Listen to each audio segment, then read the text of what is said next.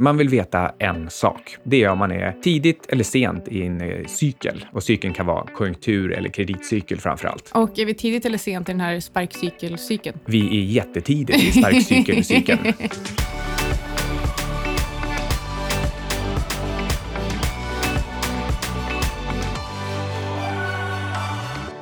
Hej, du lyssnar på Outsiders. Med eh, Fröken Svan och eh, Micke Syding. Micke f***ing Syding. Idag ska vi bland annat prata om vad företag egentligen gör, det vill säga den affärsmodell som döljer sig bakom själva taglinen. Precis, vi ska alltså skilja på what business are you in och what business are you really in? Eh, vilket är ett begrepp som eh, en, eh, en entreprenör som jag käkade lunch med för ett par veckor sedan frågade mig jag bara tyckte att det var sjukt tänkvärt. I det här sammanhanget så ska vi prata om mikromobilitet och sådana här e-skotrar som finns precis överallt. Vi eh, kanske också hinner med på slutet att prata om vad man som nybörjare ska titta på egentligen när man analyserar bolag. Precis, och eh, det är som vanligt den eminente Alexander Marton som klipper de här eh, avsnitten och ser, till, och ser till så att, eh, så att vi låter bra helt enkelt. Ska vi börja med en liten portföljuppdatering? Hur har det gått för mig? Ja, men, eh, senaste veckan eh, ner, eh, ganska ordentligt. Eller ganska ordentligt, det låter som att det är ner 20 procent, det är det definitivt inte. Men eh, det, däremot har du fått in två, två nya grejer i portföljen. Berätta. Mips och bitcoin. Och jag funderar på om jag ska skala av Gran Colombia, för att jag tror att guldet kan, kanske kan sticka ner lite grann och då skulle jag vilja köpa tillbaka Gran Colombia på lite lägre nivåer. Eh, och eh, Gran Colombia är egentligen en slags, det blir en slags hävstångseffekt på guldet. Så om jag tror att guld ska ner så vill jag definitivt skala ner Gran Colombia, för det är ett av de största innehaven just nu. Eh, och eh, du och jag har pratat om det här mycket innan och jag kommer definitivt bara sälja en liten, liten del av innehavet så att jag kan handla lite mer på den positionen. Jag är med i en BSD-grupp på Facebook. BDSM. BSD. och där skrev jag faktiskt just igår att eh, guldet ser ju inte bra ut tekniskt. Nej. Det ser verkligen ut som att eh, de här eh, manipulativa centralbankerna gör allt de kan för att pressa ner priset. Nej, jag är inte konspiratorisk. Nej, och eh, men vad tycker du då om eh, bort lite från guldet, in lite bitcoin, in lite mips? Ja, alltså vi pratade ju i den här bonusintervjun med Karl och Erik om att Mips ser inte så himla dumt ut, så det, det får du absolut stoppa in. Och som sagt, jag har ju inga synpunkter alls på hur du förvaltar pengarna. Nej, du har bara synpunkter på om du får eh, utdelning eller inte. Mm. Men vi går vidare nu. Vet du vad man får om man korsar en Vespa och en Tesla? Jag vet faktiskt det, för det står i papperna här. Men du kan få se det ändå, så kan jag låtsas som att jag blir överraskad. En Vessla. Nej, shit vad sjukt! Och det är Sveriges mest populära elskoter. Ja, och eh, precis som vi var inne på lite innan, jag har några vänner som eh, sitter i London och jag får eh, typ veckovis uppdateringar om hur perverst de tycker det är med de här elskoterföretagen. Och då sa jag att ja, det är svårt liksom att göra den affären lönsam, men det är inte den affärsmodellen som i alla fall de riktiga, de här bolagen, egentligen har. Och det är det vi ska gå in lite på. Precis, det är dagens tema. Men på tal om vänner, vi har ju eh, dragit tre vinnare av din bok, Nätverka. Och eh, ja, men det verkar, det verkar bara vara en som vill ha boken, för det är bara en som har skickat in sin mail. Ja, sin, ja precis, sin adress. Ja, Eh, så, så, så mejla oss din adress på outsiders at sydingsvan.com och det är ett H i svan. Exakt. Eh, och det är askul med all respons på boken hittills. Jag fick faktiskt en bild av en gammal kompis som satt på tunnelbanan, så hon smygfotade en kille som satt och läste min bok på tunnelbanan. Det var ganska kul, tycker jag. Är den svår att få tag på? Var hittar man den här? Den finns faktiskt, eh, den är riktigt svår att få tag på, för du och jag har varit och letat efter den, för att mitt förlag eh, hann inte skicka ut referensex till mig, så jag var tvungen att gå och leta efter boken i bokhandlare, eh, eller hos bokhandlare, men det var många bokaffärer som den faktiskt var slut i Stockholm. Eh, men lättast egentligen, och bäst pris kan tilläggas, är på Adlibris och Bokus. Fett! Okej, skulle du kunna sammanfatta hur viktigt det är det här med nätverkande och träffa nya personer? Ja, och jag kan göra det med ett litet utdrag ur boken. Utsätt dig för mer risker. Det första du måste komma ihåg när det gäller ditt liv, din situation och framför allt vad du hoppas ska hända i framtiden, är att hoppas i sig inte är en strategi. Om du vill att något extraordinärt ska hända måste du själv vara en extraordinär person som ser till att utsätta sig för oväntade situationer. Livet är en rad av konsekvenser av det vi gör. Och Det betyder att om du alltid tar samma väg till jobbet, umgås med samma vänner eller reser till samma plats, så kommer inget oväntat att hända. Att lyckas bryta sig loss ur sin bekväma och trygga zon för att ta en chansning om att något ska hända kan verka otäckt, men det är nödvändigt. Det kan verka nästan för enkelt, men det räcker med att göra riktigt, riktigt små förändringar. Börja gå till en annan affär när du handlar eller eh, ta vänster runt kvarteret. Sådana små saker. Man börjar där. Eller spontant åka till New York för att äta middag och sen bli insmugglad på FN. Vem åt du middag med? Nej, just det. Um, men Idag så ska vi eh, bland annat prata om vad man ska titta på som nybörjare. Och eh, lite i korthet så handlar det om vilka siffror i omvärlden, vilka mikrodata och vilka värderingsmått. Och då kan man fråga sig om PE, som är allas favoritmått, om det är ett bra ställe att börja eller inte. Och eh, alltså, jag skulle väl säga så här, det, och det har vi varit inne på förut, vi har vissa avsnitt där vi faktiskt går igenom olika nyckeltal. Och PE är definitivt ett bra mått att kika på för att kanske ta fram bolag som du sen kan analysera. Så börja med P tal men avsluta inte där. Jag håller med. Det som är så himla bra med P tal är att de är så lätta att få tag på. De är så lätta att förstå intuitivt. Eh, det är, det är så enkelt som att om P talet är 15, då betyder det att det tar 15 likadana år att, för företaget att göra så mycket vinst som du har betalat för det. Så man, man kan, man kan säga att du, eh, du betalar 15 år. Men eh, vi återkommer till på vilket sätt det där inte är sant och varför man inte ska sluta där. Precis, vi ska snacka lite om mikrotransporter istället och eh, att eh, när ni ser de här sparkcyklarna på gatan och tänker att ah, de går ju sönder snabbt och de här bolagen kommer inte överleva för att de kommer inte kunna bli lönsamma och så vidare, så ska vi tala om för er att det är inte det de egentligen är ute efter. Så, ja, men till exempel, ja. vi svenskar är väl mest bekanta med Uber som eh, gör någon slags eh, taxiliknande verksamhet. Men sen började ju de ju leverera mat också och de gör, de gör även andra saker. Och nu så har vi på den här eh, skotersidan Bird som väl är det absolut högst värderade företaget. De värderades nyligen till 4 miljarder dollar för att ställa ut sparkcyklar som folk sparkar på. och ehm, det, det, är också så här att eh, Uber levererar mat och eh, GrabPay, för Grab är ett annat bolag, då, de har byggt eh, banklösningar och Grab tror att sin GrabPay-lösning kommer bli 20 gånger så stor som Grab själva. Och det är precis på det här sättet som man egentligen ska titta på de här eh, elskoterföretagen. För att affärsmodellen är inte egentligen att folk ska sparka på de här cyklarna, sparka på dem och eh, sparka med dem, eller vad man nu säger, utan det handlar egentligen om att de bygger upp andra typer av betal lösningar och så ser de faktiskt till att de får kunder som använder de här lösningarna och sen är du fast i det här och då blir det liksom motsvarigheten till kanske det nya Apple Pay. Så det här är en genväg och egentligen påskynda processen för att få fler människor att gå över till eh, mobil, mobilbetalningslösningar. Och det som är så intressant med det här eh, det är att i så fall blir de här elskotrarna som faktiskt är väldigt billiga att köpa in, då blir det ett ganska enkelt sätt att faktiskt få människor att ladda ner appen istället för att lägga pengar på bara dyr reklam. I den digitala världen, som bland annat eh, Karl Armfelt brukar prata om, att det är där de stora värdena byggs upp, så är det nästan så att alla företag har egentligen samma dolda affärsmodell och det är att komma först in i din plånbok. En del företag, de kanske har eh, idén att komma först in i din hjärna. Alltså de, de kidnappar vissa basala funktioner för att få dig att spela mer eller köpa mer. Men de här andra företagen, de sätter sig först i plånboken och det är som du säger då, det är sådana saker som GrabPay försöker göra och så kommer BirdPay försöker göra det och Voi och Lime och alla de här.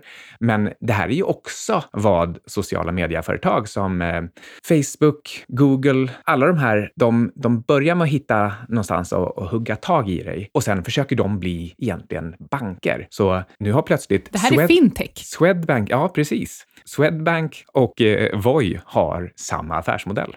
Och Det är eh, också för att bara koppla tillbaka till det här “What business are you in?” och eh, då säger de ja, men elskotrar. Men “What business are you really in?” Ja, men bankverksamhet. Så det var ganska kul. Men om vi går tillbaka till Grab. Eh, de har en värdering på 100 miljarder. Vet du ens vad Grab är?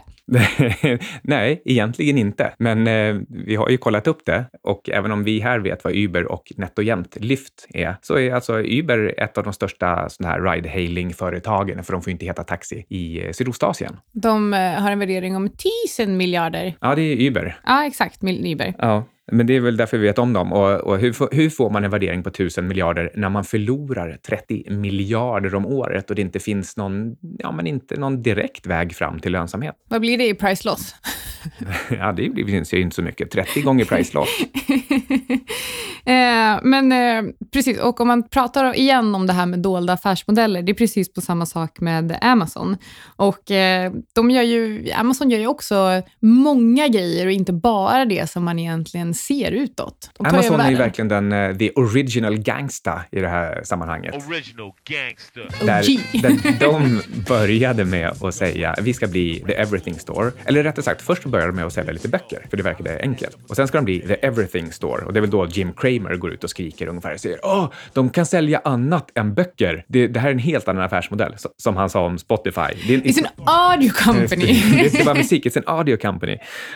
Det kan bli hur stort som helst. Ja, men, och, och, och, men Amazon hade redan en annan plan. Om de blir the everything store, då blir de också bäst på datalagring och eh, molntjänster. Så då kan de göra det åt andra och då blir de the everything cloud store för alla andra everything stores. Så de är liksom, de har verkligen lagt sig allra först i allt, i betalningar, i lagring, i transaktioner. Och datainsamling och att vi köper massa prylar för dem gör bara att de samlar på sig mer information om vårt beteende och den här datan kan de sedan använda för att utveckla utveckla ytterligare lösningar eller sälja den här datan om de skulle vilja det. Hur skulle du översätta poop scoot? Ah, vi behöver inte göra, det kan den som lyssnar fundera över. Nu heter inte företaget så, det heter Popscoot. Det är ett, ett, av, de, ett av världens populäraste elskoterföretag. Ska vi läsa upp några andra? Eh, ja, men eh, Glidebird, Dot, Voi, Tear, Lime, Ofo. Mofo. Mobike. Citybike, Jumpbikes, Green and Yellow, Skip, Spin, Scoot, Popscoot, Beam, Wind Mobility, Vogo och Flash. Vem vill inte åka på en Flash? ja, men eh, varför? Alltså, det, det, finns så här många. Alla försöker bli det framtida Amazon eller Uber men jag inom tror, Men jag tror faktiskt att det finns ett annat svar på det där, för jag tror att vissa av dem har, eh, har åtskilda What business are you in och What business are you really in. Medan jag tror att det finns säkert vissa av de här lite mindre elskoterföretagen, som bara, ah, elskotrar verkar hett just nu och sen så släpper de elskoter på marknaden och så tror de att det är det som är själva affärsmodellen.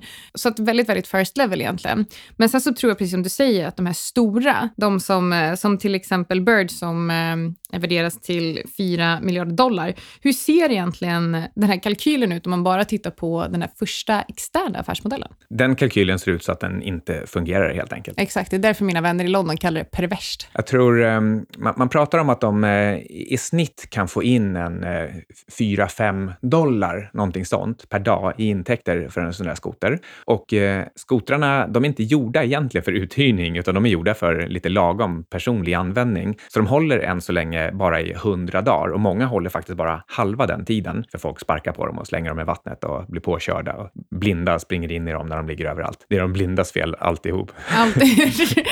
Oj, vad, vad, vad hände där? Men, nej, förlåt, det var ett dåligt skämt. Det var lågt. Men eh, eh det här betyder att eh, man får in kanske tusen kronor i intäkter på en månad och så håller de med några månader så man får in 2-3 tusen kronor totalt innan den är trasig. Och då har vi bara inte ens räknat med, eh, för om inköpspriset är 2 000 kronor. Ja, eller så, fyra. Ja, men precis. Om man får in, eh, okay, men säg, säg att inköpspriset är 2 000 kronor och du får in 3 000 kronor. Alla bara, ja men då är de lönsamma, men då har vi inte ens räknat med löner eller någonting Nej. egentligen. Och det kan lika gärna vara så att de faktiskt kostar 4 000 kronor och du bara får in 3 000. Och då är det ännu värre om man inte ens har räknat med löner. Så själva modellen att ta de här och ställa ut dem och få intäkter för det, den, den, den håller inte. Och det är också så att inträdesbarriärerna är så små att jag kan köpa en cykel och ställa ut den och GPS-tracka den. Jag behöver inga skalfördelar alls. Så det enda du kan få skalfördelar i, det är när du blir en sån här Alipay, GrabPay, Sydingpay. Tror du att eh, förutom att de ska göra liksom banklösningar och att det här egentligen är fintechbolag, tror du också att eh, de använder data, eh, eller data som de samlar samlar in när folk använder de här för att till exempel kunna sälja till stater och kommuner när de ska utveckla infrastrukturen, eller till andra bolag. Det är väl också en typ av affärsmodell, inte som är lika lönsam som fintech-modellen, men det här är också eh, ett potentiellt intäktsben. Vi säger så här, det finns i alla fall andra företag i, den här, eh, i det här ekosystemet som, eh, som säljer mjukvara till stat och kommun för att hålla reda på cyklarna. Men eh, jag gillar din idé där. Jag, jag, tror inte de har, de har inte, vad jag har hört i alla fall, fall, sagt att de har den här konsultidén mot stat och kommun. Men jag det låter ju rimligt. Jag bjussar på den faktiskt. Ja. Varsågod. Äntligen så kan man få se något, något som gör att de här bolagen kanske kan tjäna pengar i framtiden. Om, och, vi, och, vi, vet ju också, på tal om det, uh, hur, bra, uh, hur bra man är på att fördela uh, skattepengar, till exempel köpa vägsalt för 150 gånger vad det egentligen kostar och så vidare. Så det går nog att ta ganska bra betalt. Mm. Idag finns det 3000 skotrar ungefär i Stockholm. Det känns som att det finns 3 miljoner. Det finns säkert 3500 nu när vi pratar om det här.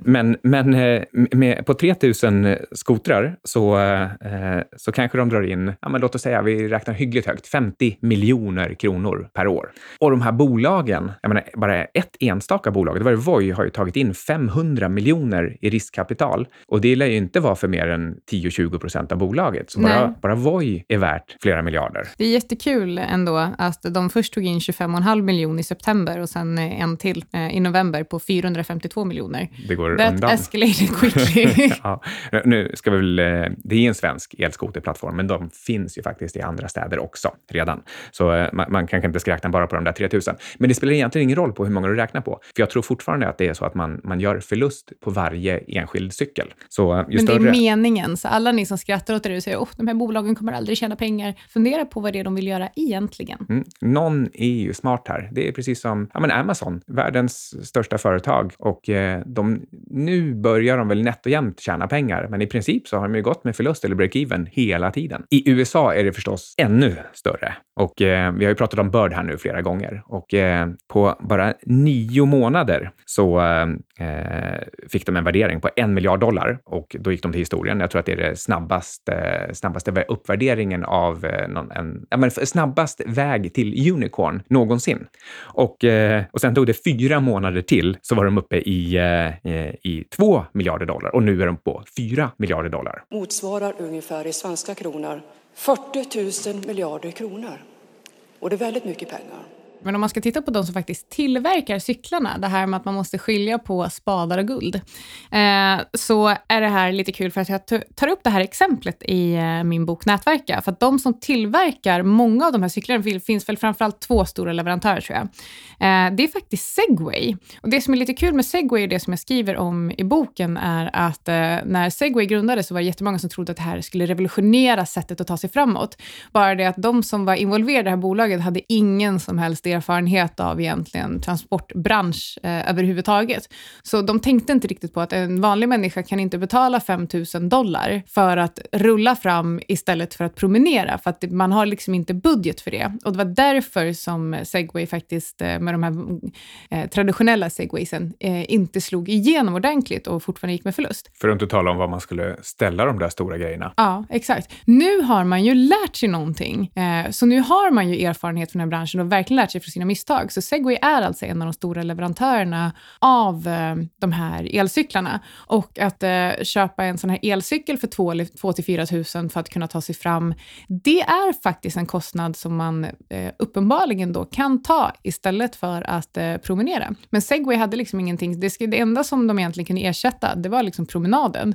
Och du kan ändå typ inte åka och handla med den, för var ska du hänga de här påsarna? Det är ganska, jag vet inte hur många som åkt Segway som lyssnar, men det är inte, det är inte helt klockrent. Så att, eh, nej, men jag blev jätteglad när jag insåg att det var segway, för att då förstod jag att eh, shit vad de har lärt sig på den här resan. Det var någon eh, i Fintwit som häromdagen la upp en kille som, eh, som ställde en, en låda vin, alltså vad är det, är det sex flaskor vin, eh, på en sån här liten elskoter och körde iväg från Systembolaget. Oh, Fan vad smart. Men, nu dricker ju du och jag knappt vin längre. Segway, det är så typisk ingenjörsprodukt. De tyckte det var så himla kul att de kunde lösa det här balansproblemet så att den som står på den inte behöver balansera utan det, det sköter eh, segwayen. Och så blev det dessutom en dyr, cool produkt. Lite som eh, mina eh, jetbrädor.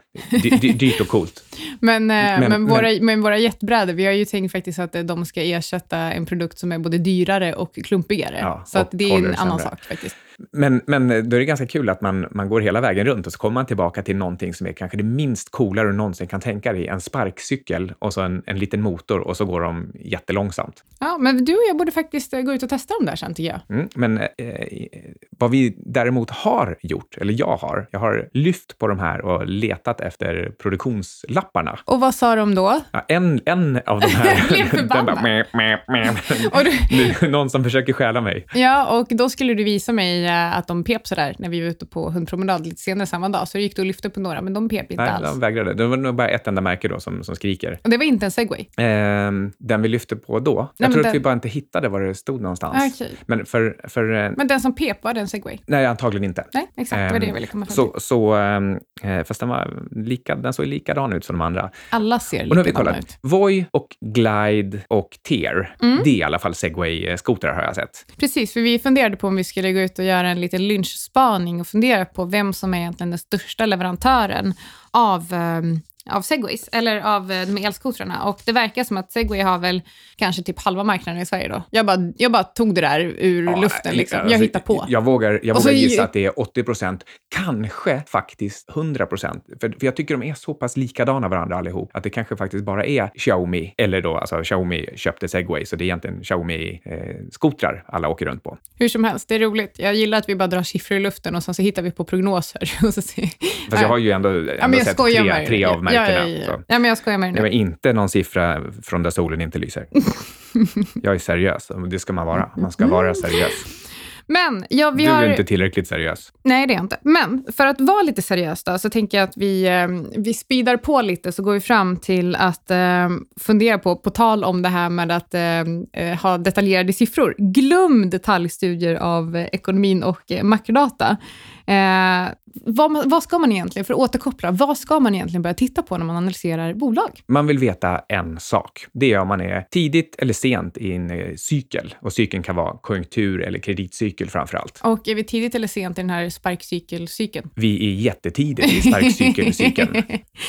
Men Eh. vi är, vi är sent i eh, den makroekonomiska cykeln och sent i kreditcykeln. Det Precis. är ingen tvekan om saken. Nej, och det kan man bland annat se då på den totala belåningen, både i eh, privata sektorn, eh, som är liksom en av de viktigaste cykliska indikatorerna. Mm, men det som är lite faktiskt paradoxalt här, någonting som vi brukar prata om, det är styrräntan, alltså centralbankernas styrräntor. För när de är körda ner i botten, de är ju noll och negativa i princip överallt utom i USA, det är någonting som det brukar vara väldigt, väldigt tidigt i en cykel, det vill säga precis efter en krasch. Ja, men nu har vi ju, jag menar, jag och nu är vi att, tio år in i en cykel. ja, men jag skulle vilja ändå definiera det som att eh, Stefan Ingves vid makten är lite av en krasch, kanske. ja. Men eh, sen så måste man ju också titta på arbetsmarknadssiffror, sysselsättningsgrad, arbetslöshet och löneutveckling. Eh, de är jätteviktiga men också lite eftersläpande och det är här som jag varit inne på innan, att ja, arbetslösheten är jättelåg, men det betyder också att det är ytterligare få personer som kan sättas, sättas i sysselsättning.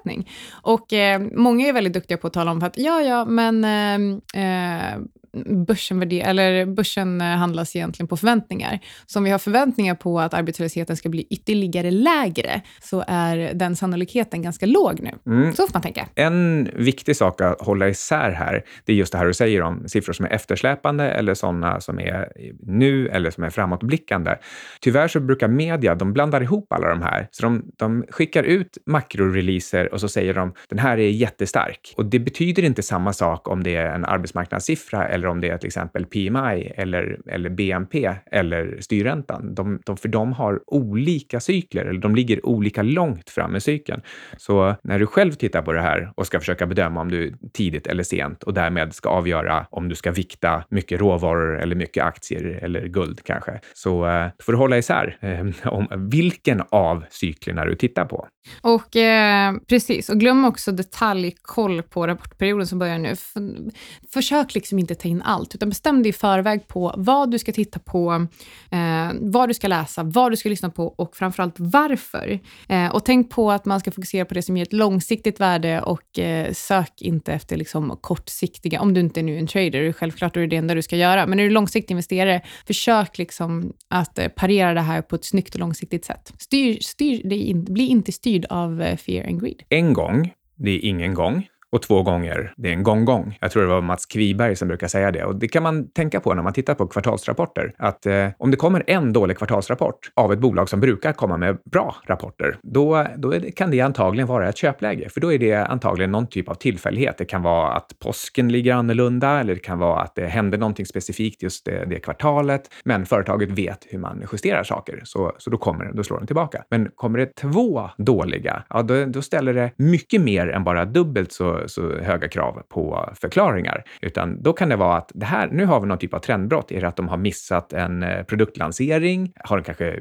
bytt någon chef någonstans? Det är någonting som har hänt. Så två gånger är en gång gång. Precis. Men för att eh, återgå till det vi pratade om i början av avsnittet, börja med P talet just för att det är så lätt att förstå och sen gå vidare med ev-ebit, eh, för att det är liksom kanske lite mer korrekt. Och ja. ja, men kanske avsluta med eh, ännu ett, vi kan kalla det för resultatmått, för alla de här är en slags resultatmått, hur mycket pengar de tjänar efter kostnader. Så price, cashflow, för det är det riktiga måttet. För så här är det. Cashflow in, cashflow ja, ut. Ja, du betalar 10 kronor för någonting, då vill du ha 11 tillbaka. Det är inte så att om du betalar 10 kronor för någonting så vill du ha en kram tillbaka. Eller, Jag vill alltid ha en kram. Eller du betalar x kronor för en Tesla-aktie och så vill du ha tillbaka att de påskyndade eh, övergången till elektriska bilar och, och mindre global warming. Det är inte det du vill ha. Det det köper du någon annanstans eller medverkar till någon annanstans. När du köper aktien för kronor, då vill du ha kronor tillbaka. Och eh, titta också på tillväxttakten. 5% per år är som börsen och kommer sannolikt värderas som börsen och eh, 15% ger en dubbling på fem år och 20 eh, ger en extra dubbling på fem år jämfört med börsen. Precis, för det är 15 procentenheter mer per år Exakt. än börsen. Och det här, vi pratade ju om det här med Karl Armfelt och Erik Sprinkorn i söndags, att eh, det är svårt för en mänskliga hjärnan att ta till sig hur snabbt det går när tillväxttalen är riktigt, riktigt höga. Och det är någonstans efter kanske 25-30 procent per år som, eh, som det oftast slår helt slint i huvudet. För på fem år, då händer det oerhört mycket och det, det kan verkligen eh, äta upp höga värderingar. Och Det är också därför som det är så extremt viktigt att inte tro att buy and hold betyder att jag ska göra en analys och sen äga bolaget för alltid. Nej. Eh, och sen har vi pratat om affärsmodeller och dolda affärsmodeller. Det man verkligen behöver göra och som Warren Buffett har sagt att han har väldigt svårt att göra, det är bedöma till exempel teknikföretags affärsmodeller. Han förstår dem inte och därför har han hållit sig ifrån dem. Precis, men hur ska man egentligen sammanfatta det här då? E-skoterföretagen och taxiapparna och även många andra digitala affärsmodeller, de är inte vad de ser ut att vara. Nej, och eh, som nybörjare då kan det vara faktiskt eh, viktigt att hålla det enkelt. Jag vet att jag brukar säga att nej, men det är inte enkelt att investera, så att sluta säga att det är enkelt. Men försök förenkla ändå. Och framförallt etablera ett osäkerhetsintervall så du vet vad du inte vet. Mm. Det kan tyckas som en svår övning att göra prognoser och fundera över vinstmarginaler och tillväxttakter. Men om du gör det, då får du i alla fall veta för dig själv vad det är du inte vet och hur stora intervall du måste sätta för att våga slå vad med någon om att eh, utfallet faktiskt blir innanför intervallet. Och om du inte förstår vad bolaget gör eller hur de ska vända förluster till vinster, ska du verkligen chansa på att bara följa med en hype. Och det här är väl kanske ett eh, meddelande till alla som säger de värderas på potential, utan att förklara vilken potential då. Ja, de kan inte handlas på potential på potential. Exakt. Så att, så att du hoppas att någon annan ska värdera på potential i framtiden, utan du, du behöver ändå ha någon gameplan. Var är det de ska hamna i slutändan? Och vem är det som ska ge tillbaka pengarna till dig? Är det företaget eller är det någon större dåre på marknaden som inte heller vet vad de gör? gör. Precis. Och eh, lyssna på den här bonusintervjun som eh, vi gjorde med eh, Armfelt och eh, Springhorn och eh, få veta hur funderingen hos en proffsförvaltare kan gå. Och glöm inte att lämna recension hos iTunes. Vi älskar Twitter, men eh, vi vill jättegärna ha dem på iTunes också. Men det är himla kul. Vi har fått massor med kommentarer på Twitter som är riktigt, riktigt roliga att se. Så eh, verkligen stort tack till Karl och Erik som möjliggjorde det. Och till alla er som lyssnat. Vi hörs om en vecka. Ha det så bra. Outsiders. Med Syding och Svan.